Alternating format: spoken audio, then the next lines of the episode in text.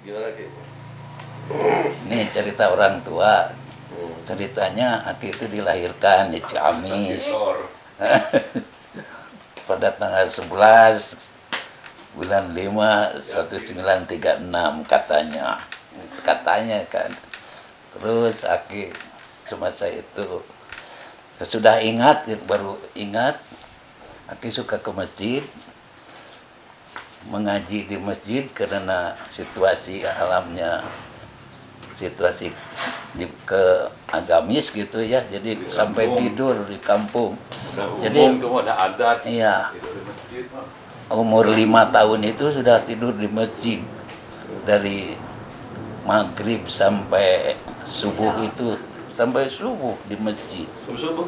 iya tidur di masjid udah masjid. Ceritanya sekolah. Sekolah itu mungkin mulai sekolah Aki zaman Jepang. Jepang itu waktu mulai eh, apa masuk mulai masuk Jepang.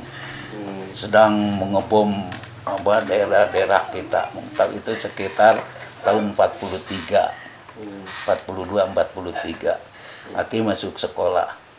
Tuh masuk sekolah ini pertama ya SD kelas 1 nah tapi tiba-tiba baru masuk sekolah sudah itu ko- itu kota Tasikmalaya dibom bom kedengaran sampai Ciamis itu Sama siapa bomnya di bomnya itu pada di Tasik tapi Sama kedengaran ya cuma. Eh, iya, sama. Belanda. Belanda itu sudah sudah sudah pendudukan Jepang. Ya masih Belanda. Itu Jepang itu yang Masuk. itu. Heeh, masih penjajahan Belanda gitu. Nah, masuk, iya Jepang. Nah, itu wah, ya di Tasik yang dibom tapi kedeng- di Ciamis itu sampai wah kedengarannya luar biasa. Sampai eh, anak-anak sekolah itu diliburkan pulang nggak jadi sekolah beberapa hari nggak sek- nggak sekolah terus setelah itu eh masuk sekolah lagi. Udah aman aman masuk sekolah lagi. Nah Menakutkan nggak situasi waktu itu? Iya menakutkan. Jadi sudah mulai pertama ya sudah dalam keadaan perang itu akhir itu. Kemudian ya itu dalam setahun itu perang Jepang dengan Belanda itu kan terus menerus oh sampai kapal terbang juga sampai ada 50 entah kapal benar entah kapal tidak ada 50 di atas itu. Kapal Jepang itu. Nah itu sudah nggak benar. Keterinya ke itu kalah itu si Belanda. Hmm. sudah terus pendudukan Jepang. Pendudukan Jepang itu kita itu ya kalau padahal Aki masih kecil tapi kata orang tua itu penuh dengan kesulitan-kesulitan pada waktu itu makanan kurang pakaian kurang gitu. Hmm. jadi sampai sekolah juga ya terganggu. Sekolah itu belajar itu paling beberapa jam aja. Ya sudah anak sekolah itu disuruh memang olahraga itu disuruh. Taiso katanya belajar bahasa Jepang dia harus sudah di belajar. Senam. ya itu taiso pada gitu.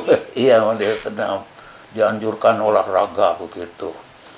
Terus oh, sampai mengalah apa mengambil itu pada waktu itu Jepang itu nggak tahu iles itu tanaman padahal di kampung kalau orang tahu itu iles itu tahu.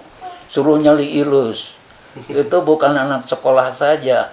Masyarakat semua itu harus jadi ilus dikumpulin ilus itu. Kayak jadi banyak kerja bakti banyak itu daripada belajar nah sudah belajar itu sudah terganggu. Terus? Udah gitu ya sampai tiga tahun sampai di Jepang gitu ya sekolah gitu aja. Jadi penuh dengan apa tuh takutan. ya satu ketakutan kedua jadi eh, apa suruh nyari ilus suruh itu olahraga. Itu dia harus du- gundul dibotakin.